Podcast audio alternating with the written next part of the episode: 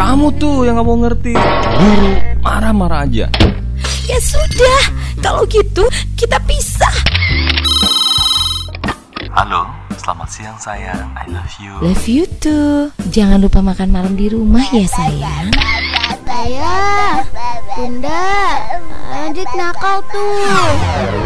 Keluarga adalah orang yang paling kita sayang. Keluarga yang membuat hati senantiasa bahagia. Keluarga selalu menjadi alasan kita untuk pulang. Dan keluargalah tempat kita berkeluh kesah dan menjadi motivator terbaik. Keluarga yang baik tentunya dimulai dengan cinta, dibangun dengan kasih sayang, dan dipelihara dengan kesetiaan.